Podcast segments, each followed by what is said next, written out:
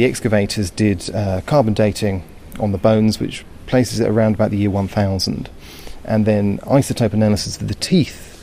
Uh, the enamel of the teeth indicates that all the individuals in this grave grew up in Scandinavia and not just from one place, actually from all over the Scandinavian world. One individual came comes from sort of right up near the, the Arctic Circle.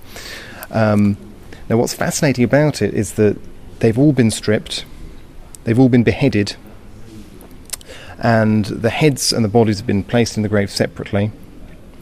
But none of them have any evidence of battle related injuries. So, this is very clearly an execution. Um, probably of a Viking raiding party who've given themselves up without a fight and then been taken off and and uh, and uh, executed. So it looks like a Viking raid gone very badly wrong.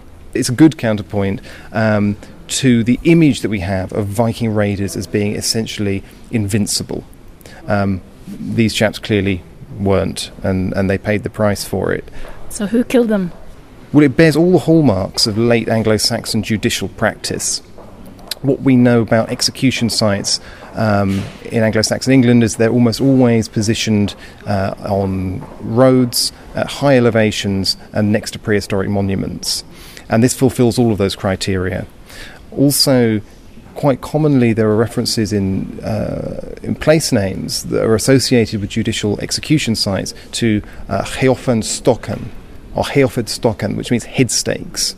Now, there are only 51 skulls in this burial and 54 bodies, so it's very likely that three of the heads were taken away as trophies and set up on stakes, as perhaps as a warning to other Viking raiders who might think about trying the same thing.